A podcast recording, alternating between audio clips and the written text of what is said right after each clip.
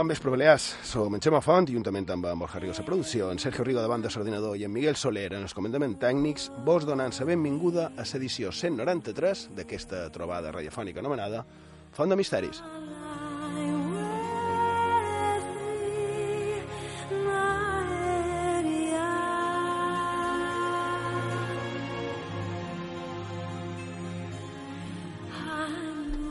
Bon vespre, Borja Rigo.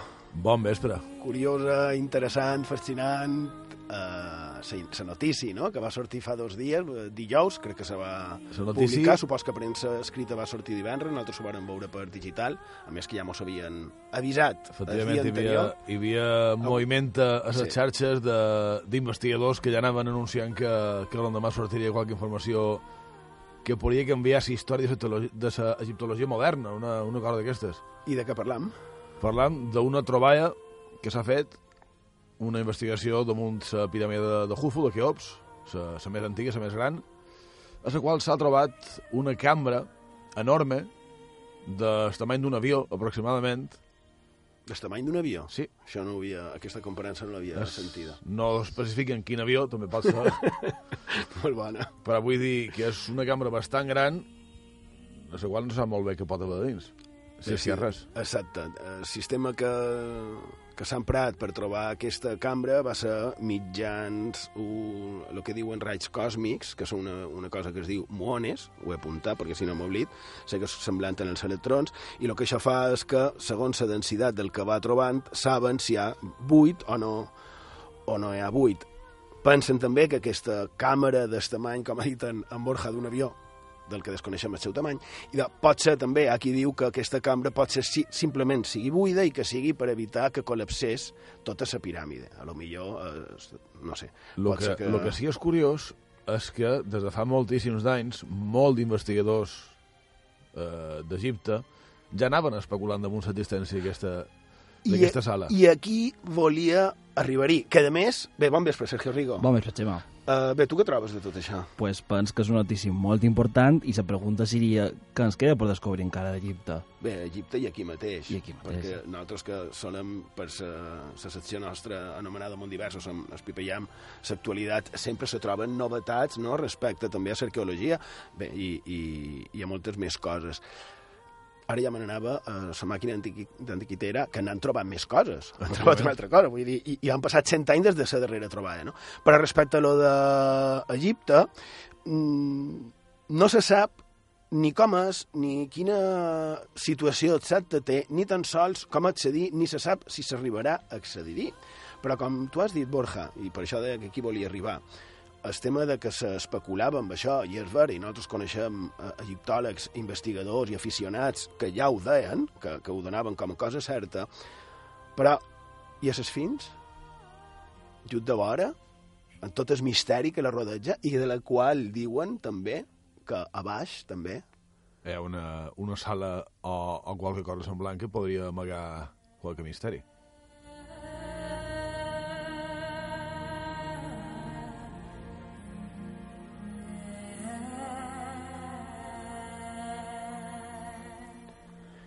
I, efectivament, com acabam de dir, queda molt per descobrir, molt de misteri per treure a la llum i, i bé, eh, nosaltres estirem aquí per contar el que ens arribi, evidentment.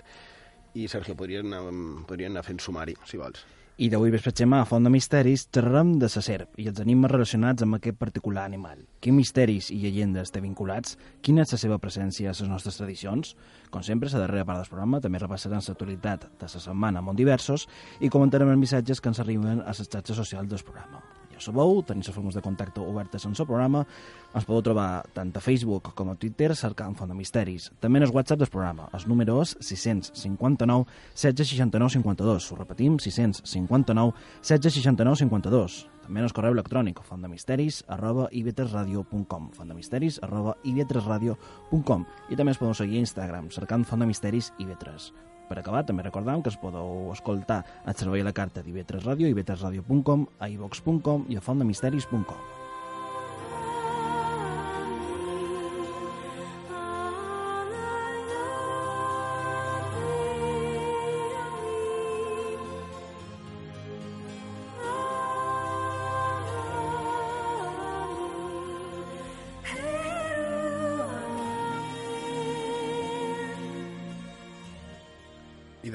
màgica, fabulosa, temuda, estimada, també amb poders, no?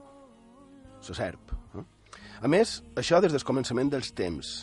Recordem que la Bíblia ben aviat en surt una, i, i aquí seria la serp com a imatge de, d'esmal, no? la representació del pitjor que hi pot haver. Bé, faig referència, clar, en aquest cas a la representació que, bé, que tornem al cristianisme, si bé no és l'única, quan la serp ofereix la fruita prohibida eh, en el paradís. No? Una escena que va donar peu, segons les possibles interpretacions bíbliques, a que els humans, humanitat, mm, siguen com som. Això és l'explicació que se donaria. També se serp com a representació divina, també a les primeres civilitzacions, però bé, la setmana passada ja vàrem estar parlant d'història antiga, que per cert, com sempre, gràcies pels vostres comentaris, respecte al programa en el que vàrem entrevistar la doctora Vázquez, perquè aquest cap de setmana ha fet un, un altre dels seus cursets. O sigui que deixem història antiga i anem a coses més curioses i més properes. Bé, en, en aquest cas, propera en el temps, la veritat és que no massa, però molt curiosa i de, jo crec que desconeguda. No sé si heu sentit parlar de la faula de Torroella. En ella se'ns parla d'un home que va arribar a Solla a cavall i decideix, un pic que arriba a Solla, anar a la platja per cansar el cavall i així poder ell després descansar, perquè el cavall també voldria descansar. Es veu que era un animal que tenia molt de nirvi i per això el du allà a, a córrer per Serena. El cavall, que com dic tenia molt de nirvi, va pegar un bot des de la vorera, des de Serena, de la platja, cap a una, cap a una roca. I en el moment que s'apulla a cavall i, i aquell senyor s'apullen damunt d'aquesta roca i aquesta se comença a moure i comença a allunyar-se de les costes mallorquines. Resulta que no era una roca i que era una balena. I comença a anar mar a dintre. I, clar, mar a dintre, mar a dintre, se, fa, se va anant fent en fora, i després de 500 milles, diu, s'ha escrit, arriba a una altra platja. I el protagonista bota a terra en so, en so cavall i era de vespre, de vespre tancat, però hi veu, encara que fos de vespre, veu un llum a la llunyania. Crec que no ho he dit. Això es va escriure de l'any 1375, eh? 1375. I aquest senyor que arriba en so cavall damunt d'una balena a una llunyana platja, camina cap a aquell llum misteriós i es troba ni més ni manco que amb una serp enfilada a un arbre i que damunt del cap tenia una pedra preciosa. Un vell robí, ens diu el text. Ell, clar, després del viatge, estava afamagat i amb molta set. S'atraca en aquest arbre i agafa un fruit que se'l menja i el defineix com a increïble. I després de menjar el fruit de l'arbre, curiosa aquesta semblança, i de veure, veure una font que va sorgir per art d'encantament, diu el protagonista, en veu alta, que li agradaria trobar qualcú que li digués al manco a on era, perquè, clar, ell havia sortit des de Solla i es trobava a un altre punt molt llunyà que no tenia ni idea d'on era. Que, per cert, va sortir del mateix punt que Sant Ramon de Penyafort. Eh? És a dir, també un altre viatger fantàstic, ja hem parlat aquí de, de Sant Ramon de Penyafort. Que també tenia certa afició a anar per damunt la mà de manera estranya. Exactament. Bé, pot dir, si dius molt ràpid, pot dir el que era, el que va fer. Bé, simplement se va barallar amb el rei en Jaume per qüestió de, de dones, diuen. El rei en Jaume, malgrat estigués casat, perseguia molt les dones, en, en Penyafort no ho veia bé, perquè era un religiós, evidentment, i va voler partir. El rei li va prohibir, i com en Penyafort era més que perruc que el rei, se'n va anar en esport de solla, va tirar el seu mantell, la seva capa, damunt la mà, allò va surar, se va posar damunt, va formar el seu garrot, va fer una espècie de, de vela i per damunt la mà va anar fins a l'esport de Barcelona, on d'haver diuen 5 hores, és a dir, més aviat que el ferri. I hauria eh, inventat el surf.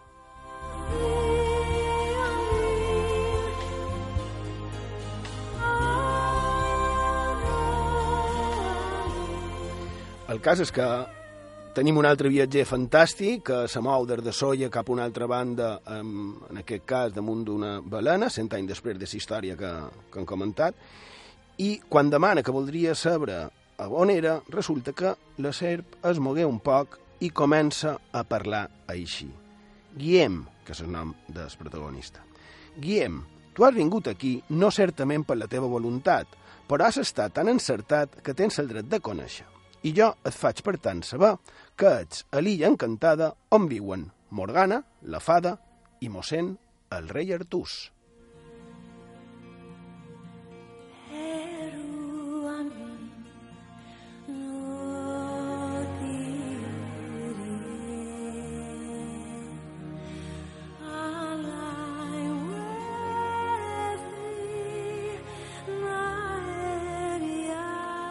Així que tenim en el segle XIV i que ha arribat en els nostres dies que es va escriure una historieta d'un que arriba a una illa encantada on vivia el rei Artús. Esteu mirant amb una cara de, com a de sorpresa, Borja i Sergio, i, i sí, és el rei Artús, rei dels bretons. I na Morgada, na Morgana, ara, ara m'estic riguent perquè en Borja ha fet com si tingués un coco sencer en la mà, imitant els Monty Python. Bé, i na Morgana s'afada. I el més curiós de tot això és que aquesta informació li transmeteix una serp.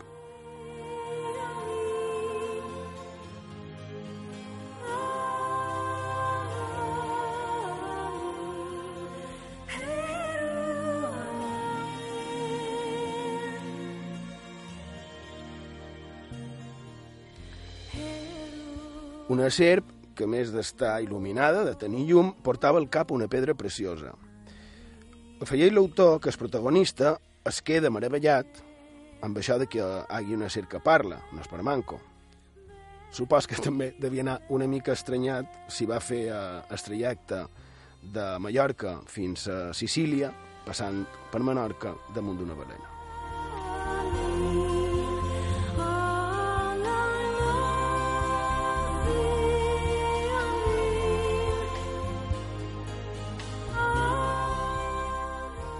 Ara m'ha sortit una, una pregunta, i és que, bé, en primer lloc he de dir que no coneixia aquesta, aquesta faula, m'ha vingut molt de nou, no, no la tenia ubicada, i me sorprèn si està parlant de na Morgana i el rei Artús, que són a Britània, que té a veure amb Menorca i en Sicília. A Menorca perquè va passar per Menorca i perquè ho diu el text i a Sicília perquè també la serp li diu que, que estaven a Sicília, passa que jo ho he resumit molt la faula és tot un llibre i és per això, perquè a la faula diuen que van anar uh, a Sicília li dius a serp, estàs a Sicília sí. no, no sé ben bé per què um, faula d'en Torroella recordem, de vés 1375 eh? segueix la història, que ja veig que qualque dia l'haurem haurem d'aprofundir, no? perquè si, si no se coneix, pues, per a la deixem per un altre dia. En qualsevol cas, és una obra molt interessant, és molt entretenguda.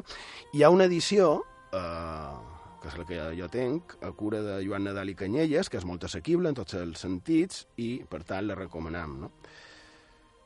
Es, està en la versió original i, i la versió eh, actualitzada, no? per entendre-ho, perquè, clar, 700 anys de...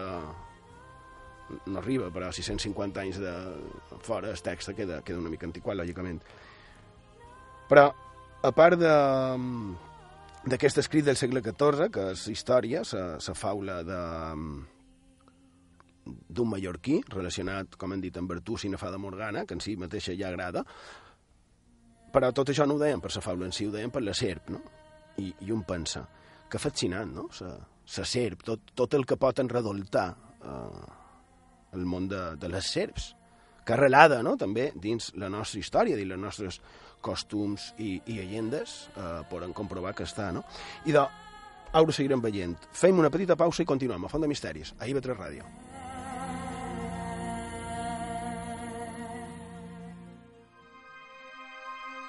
on la història es torna llegenda, a on el més quotidià es torna màgic.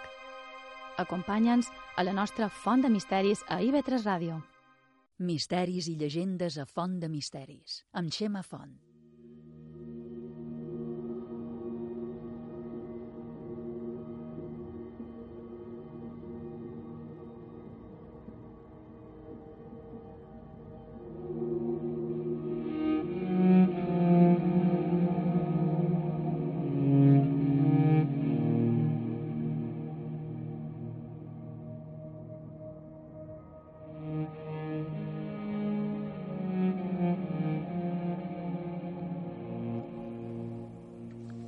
Seguim a Font de Misteris, a la sintonia d'IV3 Ràdio, la ràdio pública a les Illes Balears. A Menorca mos podeu escoltar en el 88.6 de la freqüència modulada. I avui hem triat com a, com a tema principal les serps. I ara fa un moment parlàvem de d'aquesta situació tan estranya que se va trobar en Guillem, que en va anar cap a una illa encantada i se va trobar en la fada Morgana i el, i el rei Artús, i que tota aquesta història li, li, li va presentar una serp, i la veritat és que, és que sorprenent, no? Que, per cert, lo de la pedra en el cap que han dit que tenia, un robí, en el seu cas, també és una antiga creença que ens diria que les serps, quan es fan vees, els hi surt pèl. Però, o sigui, eh, en, el, en el cap, diguéssim, no? una, una gran cabellera, i enmig els hi sortiria una pedra molt, molt brillant, com aquesta que, que han dit fa un moment a, a la faula, que dona claror enmig de la nit, eh? i que, a més, diuen les vees cròniques, que porta la fortuna i tota mena de benaurances a aquell que arriba a obtenir-ne una. Mm? Aquesta seria la coneguda com brillant de serp o pedra de serp. Però, però, no, falta, no fa falta anar tan lluny en el temps, ni molt manco pujar a una balena i, i anar fins a Sicília per trobar-se casos de serps encantades, que aquí també en tenim. Per exemple, a Inca, a Mallorca, on, segons uns documents de l'Inquisició, signats per l'inquisidor l'any 1769, se va obrir un cas per mort d'una lota que deia que podria desencantar tresors. No? És fascinant aquest món també. Que podria fer aparèixer diners eh, on no els... Més que que no, no n'hi hagués, on no se veia que ells fossin. No? I per això aquesta lota, anomenada Margarida Marcó, de d'haver de 9 anys i coneguda com la trobadora, va anar des de Calvià, que era on vivia, a Inca per ajudar a uns que volien desencantar un tresor. A un altre programa, no record a quin, parlaren del fet de tresors amagats a, a les illes, va quedar molt per contar, i aquest és un d'aquests casos que no diguérem en aquella ocasió. I de, ella els hi diu que era el que ha de menester per desfer senzissament que hi havia i que fa impossible treure de, de la terra aquells sous, aquells dobbers. I encara que en teoria sabien, tenien les instruccions per, que, que, havien de fer, al final no es varen aconseguir treure. I sabeu per què? No perquè la Inquisició els perseguís per superstició, que també, això també els hi va passar. I de, no van poder perquè deien que després d'haver fet una espeuma de reïna i sang de cabra negra, i després de fer un ritual precís, i d'en aquell moment els hi va compareixer una serp que era qui guardava els dobbers. Així que davant d'aquesta situació, diu Sallota, aquesta que era coneguda com, sa, com la trobadora, que el que han de fer és comprar un esclau moro d'Inca, havia de ser d'Inca, que s'anomenava Ali, que ell sí que podria agafar aquesta serp màgica. En el final, ho paguen, però l'esclau moro no comparegué i els diners per comprar-ho desaparegueren i no crec que fos per art de fat i fat, i quan la van aglepir i interrogar, aquella mena de, no sé, de bruixa, no, bruixeta, eh, va dir que, que no sabia que aquelles creences i, i fer allò que estaven fent fos dolent. Així que potser amb això es va lliurar del càstig de, de la Inquisició, i a part d'això també va deixar un parell de desgraciats sense el poc que tenien.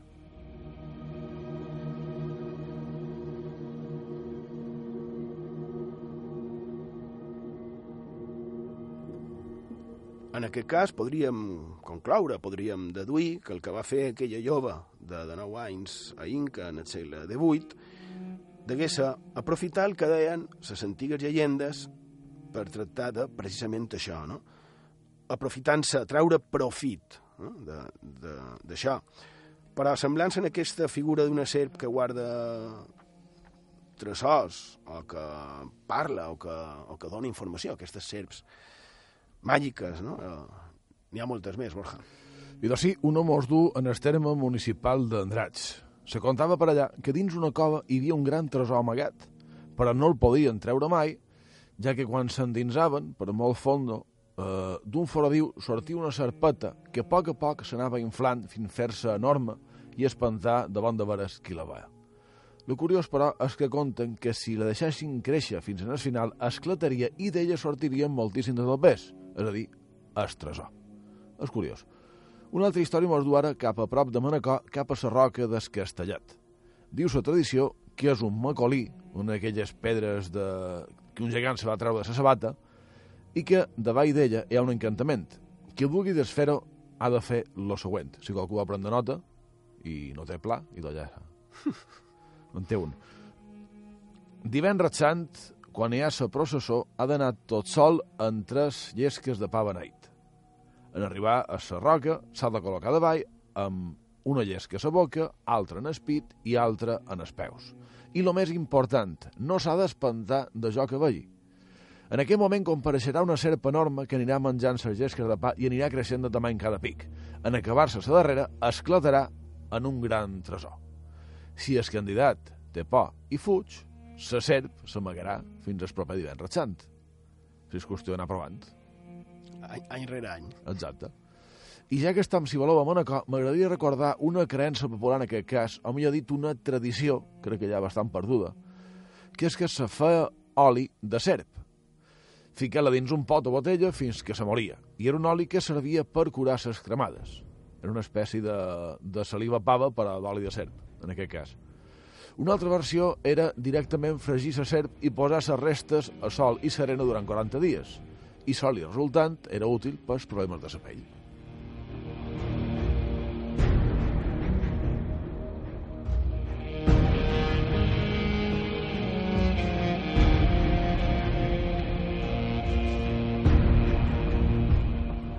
Bé, sòlid de serp, que a més de cremades i, i problemes de pell també estava pels, pels cops blaus, pels cops que un, que un se pega, i el millor moment per fer-ho seria el, en el mes de maig, perquè és quan, segons les antigues creences, les serps tenen el verí més feble o directament no en tenen perquè l'han deixat. Mm? Perquè, sí, hi havia qui deia que aquest mes el verí les serps el deixaven damunt d'una pedra i després anaven i recollien. Per això, el mes de maig, no hi havia verí. Eh? I, i clar, i era més dolent, més virulent, eh? més verinós, però, però clar, deia que com deixaven que, que s'estovés no? a una pedra en el mes de maig, en aquell moment no hi hauria verí a la serp. I d'això, que si soli de serp, si el voleu fer, ja que en Borja s'ha convidat a fer-lo de les processons de divendres sant, i d'això, millor moment en el mes de maig. També es deia, per exemple, que si vols prevenir que un infant pugui contagiar-se de sarna, li has de donar menjar serp, també, evidentment, en el mes de maig, per aquesta creença estranya de, de que no hi havia verí. I amb això tenim un parell d'exemples de la serp com a curació. Però com curar-se de les serps. Tema també molt interessant i també com no vinculant eh, amb els dies principals que hi havia dins la tradició catòlica. Eh? Borja ha dit divendres sant. I de, diuen que els nats el dia de Nadal, la nit de Nadal, millor dit, tenen una saliva amb poders especial cap a les serps. Tenen la capacitat d'encantar-les. Mm? I la manera és molt senzilla Bastaria en veure una, mullar-se la mà en saliva i mostrar-li la mà a la serp. En aquell moment l'animal s'aturarà i si aquesta persona que és nascuda la nit de Nadal, si d'un bastó, també li posen una miqueta de, de saliva a l'extrem i amb un copet de no res, un tup, només, eh? ja haurien mort la serp. La veritat és que estiria bé que, que aquest sistema funcionés, estiria bé per tal de protegir la nostra flora i la nostra fauna autòctona per la gran quantitat de serps que, que han vengut des de fora i que s'estan fent seves les nostres illes, principalment les pitiusses, no? que més a l'antiguitat a, a Eivissa diuen que eren terres lliures de serps. Mm -hmm.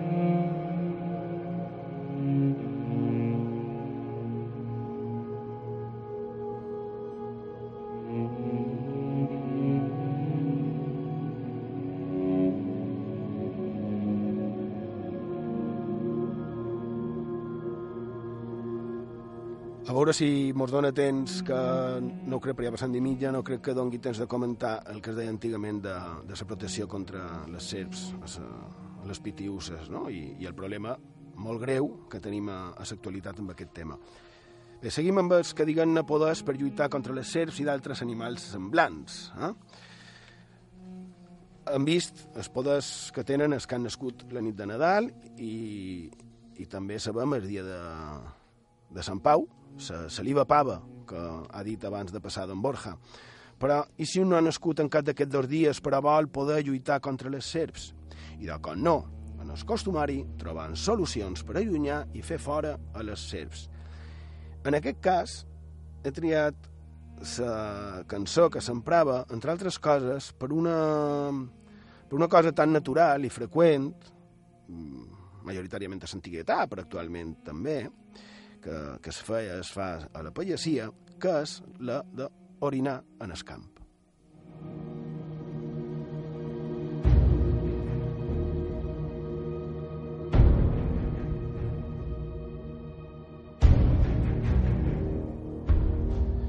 Sí, sona burla, però no. Perquè, clar, si un vol anar a pixar enmig del cementer, això és més per les dones, no exclueix en els barons, però ara veuré per què ho dic. Perquè si, com deia, un va pixant el camp, un pot córrer el risc de que una serp li, entri dins el cos. Ja m'enteneu. I clar, imaginem l'escena.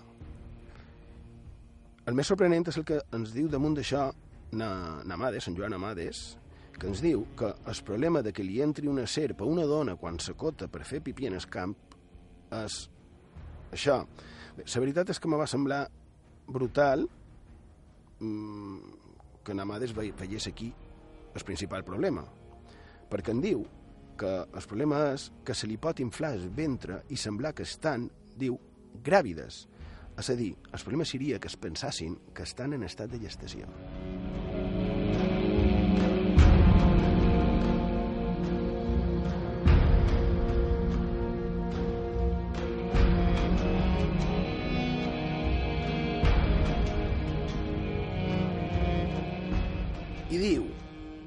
Per evitar semblant contratemps, les dones que es troben en aquesta necessitat diuen una oració a Sant Hilari. Mm? I bé, la veritat és que no sé si és o no aquesta oració, la que fa referència a la mateixa que ara direm, perquè fa referència també a una altra oració. No? Aquesta, que diré, és en forma de cançó, la qual té la virtut d'allunyar a les serps. És una cançoneta que literalment està estreta del primer volum del costumari d'en Joan Amades i eh, literalment diu així Serp, Serpònia, ves a la terra de Babilònia. Si no te'n vas, et rebentaràs. I és com he dit una, res, una cançoneta i com que Namades, dins la seva obra enciclopèdica, perquè ho és, el costumari català, va posar les notes musicals per poder extreure la melodia, a Font de Misteris han demanat que ens la interpretessin. I, gràcies a l'ajut de Natina Solàs Casas i Na Blanca Mores, que és qui ha posat la veu, aquesta cançoneta sonaria així. Serp, serpònia, ves a la terra de Babilònia. Si no te'n vas, et rebentaràs.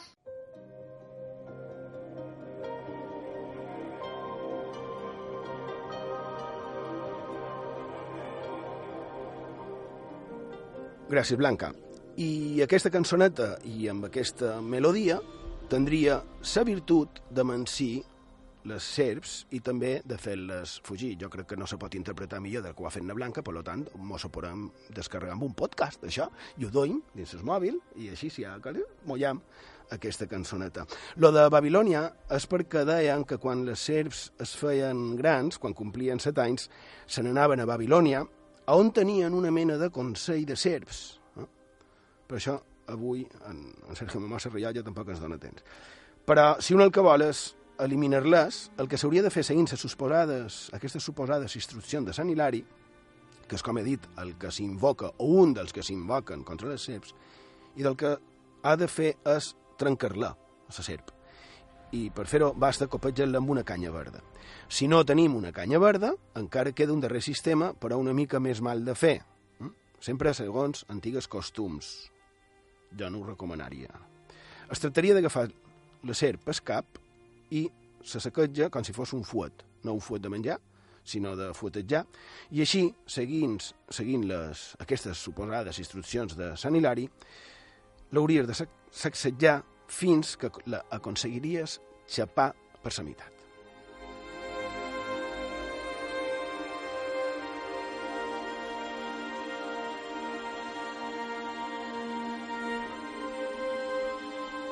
Una altra opció, també màgica, màgica, fantàstica o, o absurda també, no? segons es miri, però que en la constant presència dins la tradició mm, podríem pensar que hi ha qualque cosa al darrere. I doncs tenim una altra opció per defensar-se de les picades de serps i altres animals verinosos, com podria ser l'escorpí, el llangardaix, un altre dia, avui no, parlarem d'aquest, i bé, hi ha altres animals per l'estil. L'únic que s'ha de fer és, quan et pica un d'aquests animals, ah, també, que no ho he dit encara, incloent l'escorçó, que en castellà és la víbora. I l'únic que s'ha de fer és banyar la picada en saliva pava de qualcú que sigui nat el dia de la conversió de Sant Pau, és a dir, dia 26 de gener.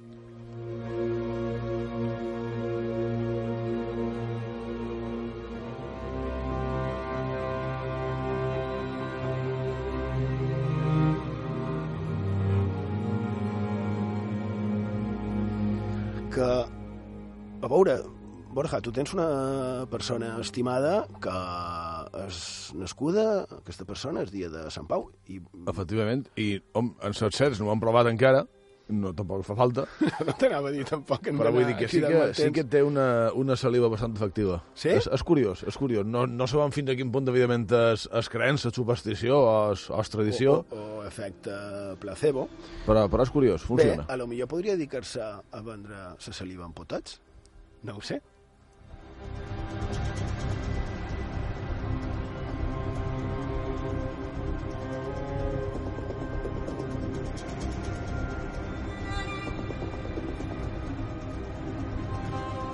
No sé jo si, si funcionaria o no, però parlant més seriosament, entre moltes d'altres situacions màgiques i llegendàries, dins el dia de la conversió de Sant Pau, i sempre referit en això, i això sí que és curiós, et suposa que hi ha una oració secreta que és per guarir de picades d'animals verinosos, incloent, clar, les serps, no?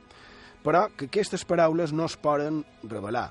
Ja dic que eren o que són secretes, però el dia 26 de gener no perdrien la seva capacitat de guarir, de protegir, si un la transmeteix a, a un altre i seguiria sent efectiva tant per qui la diu, és a dir, per qui mostra el secret, com també seguiria tenint efecte per qui la aprèn.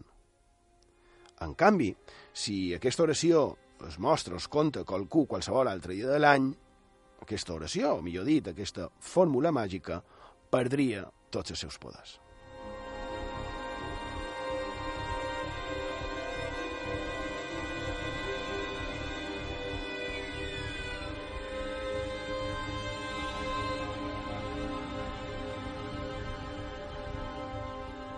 I ja que estem amb aquest dia, amb el dia de Sant Pau, contarem una altra curiositat relacionada amb tot això. Resulta que quan en Sant Pau anava pel món, anava, després de convertir-se ell, anava convertint la fe de la nova religió a tots aquells que anava trobant pel camí. No? I es va creuar amb el dimoni. I aquest rabiós el va fer picar per un escorçó.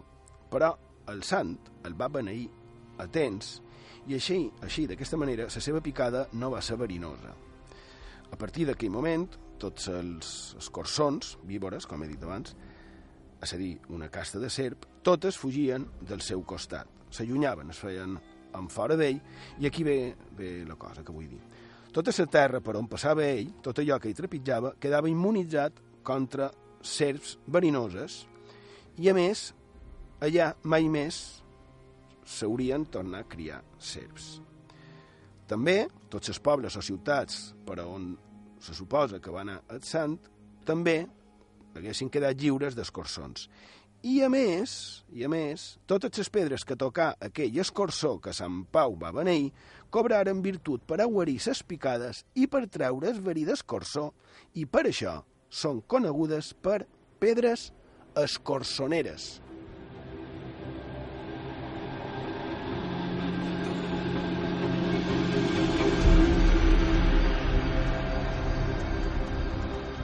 Pedres escorçoneres. No sé, vosaltres ho havíeu sentit dir mai? No, no, absolut. Jo tampoc. O sigui, jo crec que mai ho havia sentit tu, Miguel, ho havia sentit dir mai, tampoc. Seria interessant de fer una recerca de d'aquest tipus de... no sé, seria una possibilitat. Mm, jo crec que se podria aprofundir. Farem una intro el que tenim aquí, per a més enrere, perquè hi ha molta cosa. Mm, vist l'origen, evidentment, sona massa folclòric i, i com estrany, no? Massa relacionat amb el món de la fantasia i de la màgia. Gairebé semblant, no? Podríem dir fins i tot en aquesta pedra preciosa que li sortirien el cap de les serps quan es fan grans. Sona a ritus estranys. De fet, allò, si en piqués una serp, un escorçó verinós, mmm, ni me fiaria de, de la saliva de les persones nascudes el dia de Sant Pau, per si un cas, i tampoc massa d'aquest remei. Jo, personalment, aniria a un hospital a veure qualque professional sanitari, no? Dit jo.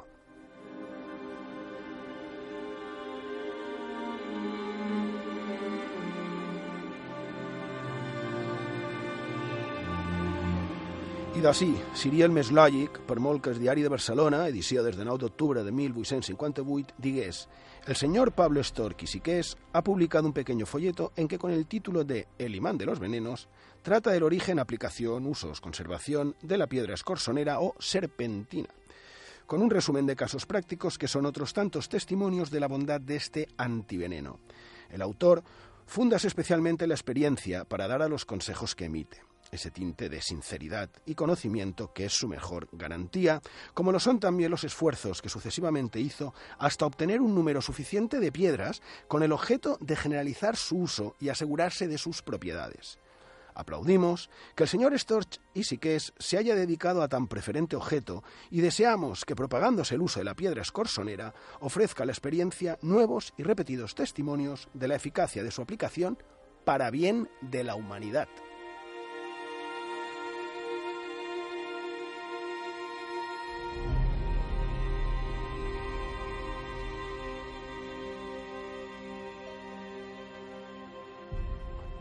Això està estret directament de l'edició del Diari de Barcelona des de 9 d'octubre de 1858.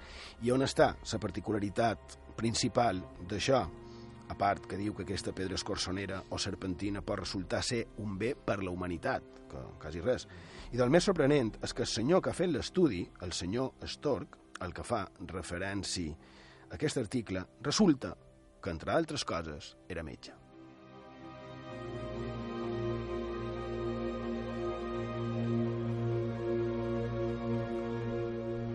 També va passar la història com a poeta, eh? entre altres coses. I de la seva poesia no, no, no hi ha res a dir, però com a metge, com a metge sí que podrien dir molta cosa, perquè no va quedar aquí, la cosa. Un dia després, tornant a trobar a premsa de l'època això. En la última sessió de l'Acadèmia de Medicina de París, sessió del 9 del corriente, fa referència al 9 de novembre de 1858, se leyó una memoria del señor don Pablo Stork y Siqués sobre la eficacia de la piedra maravillosa denominada escorsonera o serpentina contra las mordeduras de la víbora. Fue nombrado comisionado relator el venerable doctor Dumeril. És a dir, arriba a França, arriba a París i va allà a contar les excel·lències de la pedra escorsonera que, que, atenció, ja han vist, segons el costumari i la llegenda, quin origen tenia. No? I bé, i com acaba això?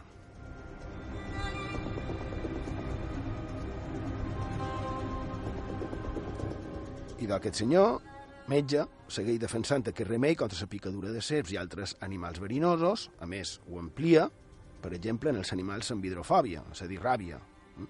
Damunt d'això va fer unes xarles a Barcelona dient que hi havia un nou sistema per tractar la hidrofòbia o ràbia i era en les pedres serpentines i explica que en qualsevol cas això surt a la premsa de devers 1860, i t'explica que el que s'ha de fer és fer un xap on ha estat la mossegada i posar la pedra escorsonera. Pensem que sa, la ràbia normalment es transmeteix per mossegada d'un animal infectat. També diu que aquestes pedres serveixen per curar d'escarbunco, també fent un procés semblant, i carbunco és ni més ni manco que àntrax, segons s'ha vist.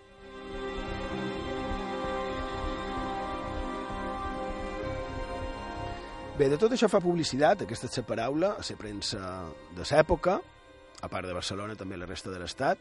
Per exemple, aquesta que diu, signat per ell mateix a un diari. Bé, primer dic que és diari que diu, ho publiquen, això que diré, por considerarlo digno de ocupar la atención de nuestros lectores en obsequio a la humanidad doliente, pudiendo asegurar que hasta el presente pasan de 300 las personas curadas por el método a que se refiere.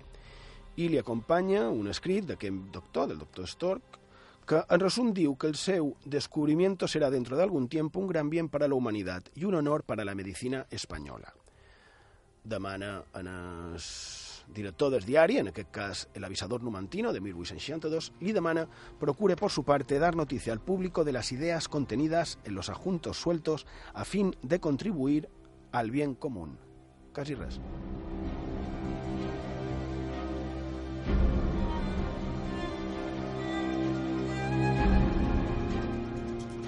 L'Acadèmia de Medicina de París, l'any 1858, l'acusa d'embaucador. Ell alega que no ho és, que són ells, els de l'Acadèmia de Medicina de París, que són uns ignorants, i afirma a s'opuscle Tratado de la Piedra Escorsonera, segunda memoria presentada a l'Acadèmia Imperial de Medicina de París, que l'ús d'aquesta pedra demostrarà una verdad que serà bendecida de la humanitat entera. I ho acompanya d'un bon grapat de suposats exemples que m'han recordat en els moderns eh, que veiem avui dia i que sempre per tractar de convèncer d'aquelles coses que no tenen massa credibilitat. Li demanes, doctor Stort, que analitzin les seves pedres amb objectivitat i segueix dient que l'origen d'aquestes pedres serien dels bramans de la Índia, que a la seva vegada, aquests, els bramans de la Índia, dirien que venen de l'espai, eh, mireu, eh, tot, tot on se pot arribar, cosa que ell no creu, no creu que venguin de l'espai. Li estranya que no estiguin més popularitzades, que hauria d'estar molt més estès i que és una cosa que ve de molt antic.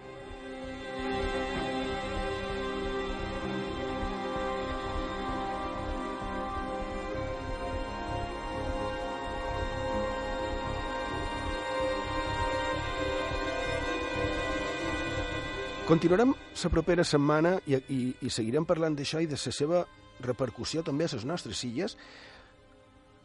Ell explica a l'opuscle com fer ús d'això i després de moltes fulles en suposats exemples de sanacions mitjans aquestes pedres, en el final de l'opuscle, que no acaba aquí la història, però en el final de l'opuscle estan, com no, les tables amb els preus de les pedres en funció de la quantitat que un li compri precisament en el doctor Stork.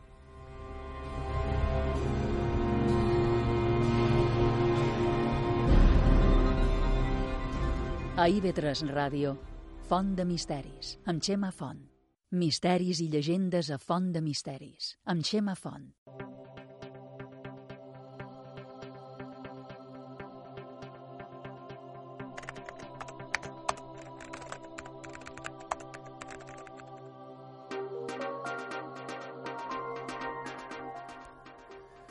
Seguim a Font de Misteris, a la sintonia d'IV3 Ràdio, la ràdio pública de les Illes Balears, a Eivissa i Formentera, mos podeu escoltar en el 93.7 de la freqüència modulada. No mos ha donat temps de, de seguir amb això, tampoc de fer la sessió que nosaltres anomenam Bon Diversos, que tenim massa coses per contar i res, si un cas podries donar com sempre formes de contacte i si vols tria un parell de, de missatges i, i aviat partim. En tenim un parell per aquí, per exemple, d'Anna María Gallardo, que, que es diu que molt interessant s'entrevista a la doctora Vázquez, i tenim un altre missatge també que diu Desde pequeño sé lo que es una Adidas. Recuerdo una vez cuando mi abuelo se llevó un susto con un jersey que llevaba una chica joven, y es que el jersey ponía Adidas, pero la chaqueta le tapaba la A y la S.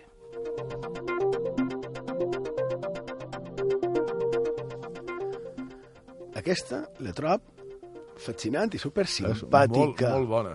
És a dir, es predir d'aquesta persona eh, clar, una dida era el més habitual, no? I, i clar, la deducció és que quan se va trobar en aquella lota que damunt del jersey, que estaven les primeres lletres tapades sense lliqueta, clar, posava directament dida, no? com si fes eh, promoció de que fos una, una dida. Que estaria molt bé poder dur aquí dida, seria una manera també de, de promocionar-ho, no ho sé, dit jo.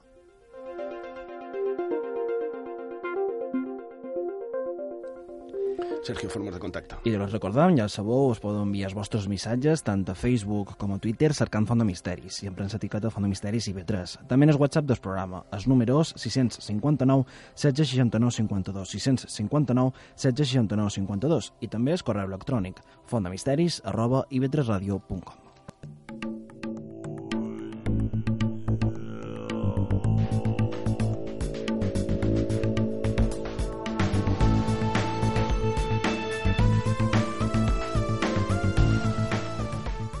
I d'hem arribat a la fi del programa d'avui. Esperem que heu passat una estona agradable i que heu pogut treure qualque cosa a profit d'aquesta font de misteris. I quan hem parlat del verint de les serps, de la llegenda de Sant Pau, llegenda infantil, a fi de comptes, hem estret d'ella tota la història aquesta de les pedres serpentines o escorçoneres, que salvarien de la picadura de les serps i altres animals verinosos. Queda clar que això ve de, de molt antic, que és ancestral, ho hem vist, i qui ho signava, el doctor Pablo Stork, semblava convençut del que deia. Eh? No vull dubtar de la seva paraula en quant en el seu convenciment, però sí que amb tot això ens queda palès que no tots els remeis antics no tenen per què ser bons ni efectius, encara que fossin recomanats per metges i també per la premsa. No? No ens hem de creure tot, el que, tot allò que ens posen davant. Hem de ser una mica més crítics. I la veritat és que quan un ho veu, a part de sorprenent, ens pot semblar fins i tot graciós i, i com a simpàtic, no? Però hem de pensar que pot ser que per mort d'això molta de gent patís, no? que qualcú que fos picat per un animal verinós i es posés una pedra que tindria poca més funció que, que un efecte placebo. I per què ho dic, si és tan evident? Perquè a dia d'avui encara passa una cosa semblant amb moltes suposades teràpies alternatives que l'únic que fan és, com a mínim, retardar la curació o el que és molt pitjor, afavorir l'empitjorament del malalt, a part, lògicament, de suposar un bon benefici econòmic per als que es dediquen no, a comercialitzar amb això. I també a altres nivells, nivells més baixos, podrien dir, per exemple, aquests negocis tipus vostè es pot aprimar menjant tot allò que vulgui o vostè pot guanyar 500 euros l'hora des de casa sense fer res. Bé, clar, eh, és evident, hi ha gent que prefereix fer ús del pensament màgic més que el pensament racional. I està clar que a font de misteri se'ns agrada la màgia, el misteri, la llegenda, i encara que més bé des d'un punt de vista més racional o, o objectiu, no? Qualque dia parlarem del sisè sentit, però el sentit que més ens agrada és el comú, no? Per això avui, a utopies de gairebé la mitjanit del dissabte i vetres ràdio, no volen dir que un no pugui mirar altres teràpies, que un no hagi de cercar solucions alternatives, però el que sí vull dir, en qualsevol cas, és que si estàu segurs que voleu intentar altres coses, que siguin això, alternatives, mai substitutòries. A més, que ridícul, no?, que després, passat un temps, tothom s'entemi de l'absurd que un ha fet per anar a entabanadors i xarlatans, que l'únic que volen, no oblidem, és el seu propi benefici, i sovint a canvi d'un preu impagable, estem parlant de vides humanes, per molt que ens diguin que és per nostre bé, perquè al cap i a la fi no són més que encantadors de serps. Per cert, l'encantador de serpientes, Pedro Guerra. Hagi pau, bona nit, gràcies per la vostra companyia i fins la setmana que ve.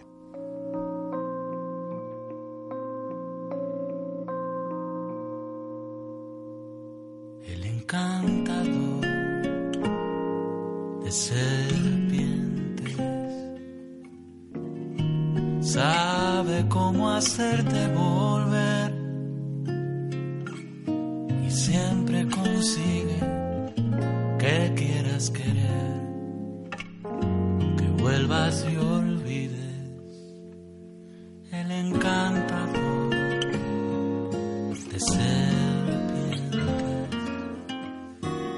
Suena su entonado bambú, te canta al oído canciones de amor, canciones de olvido. Tú no sabes cómo escapar no sabes si hay que escapar. ¿Quién dijo que quiera escapar?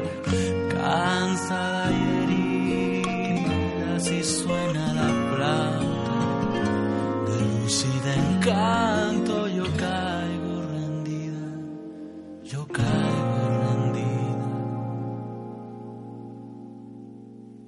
El encantador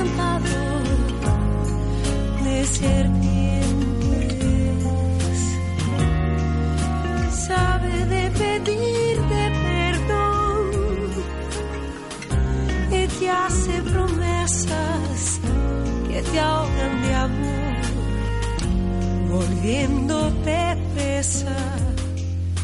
El encantador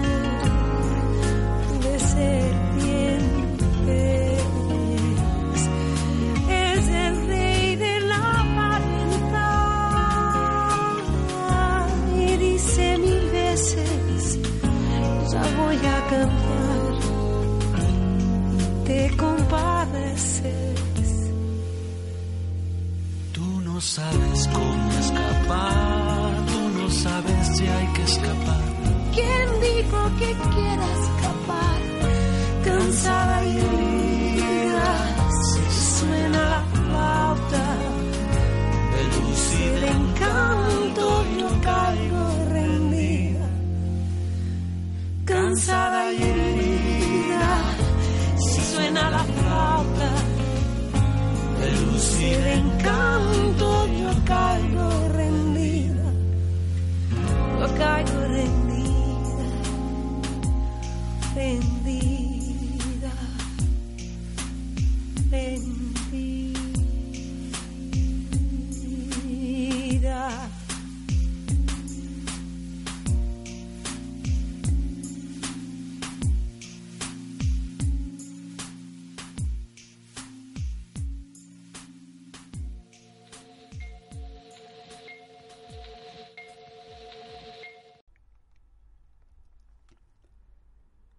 El programa que escoltareu tot seguit va ser emès al... El programa que escoltau va ser emès al... El programa que heu escoltat va ser emès al... El programa que escoltareu tot seguit va ser emès al... El programa que escoltau va ser emès al... El programa que heu escoltat va ser emès al...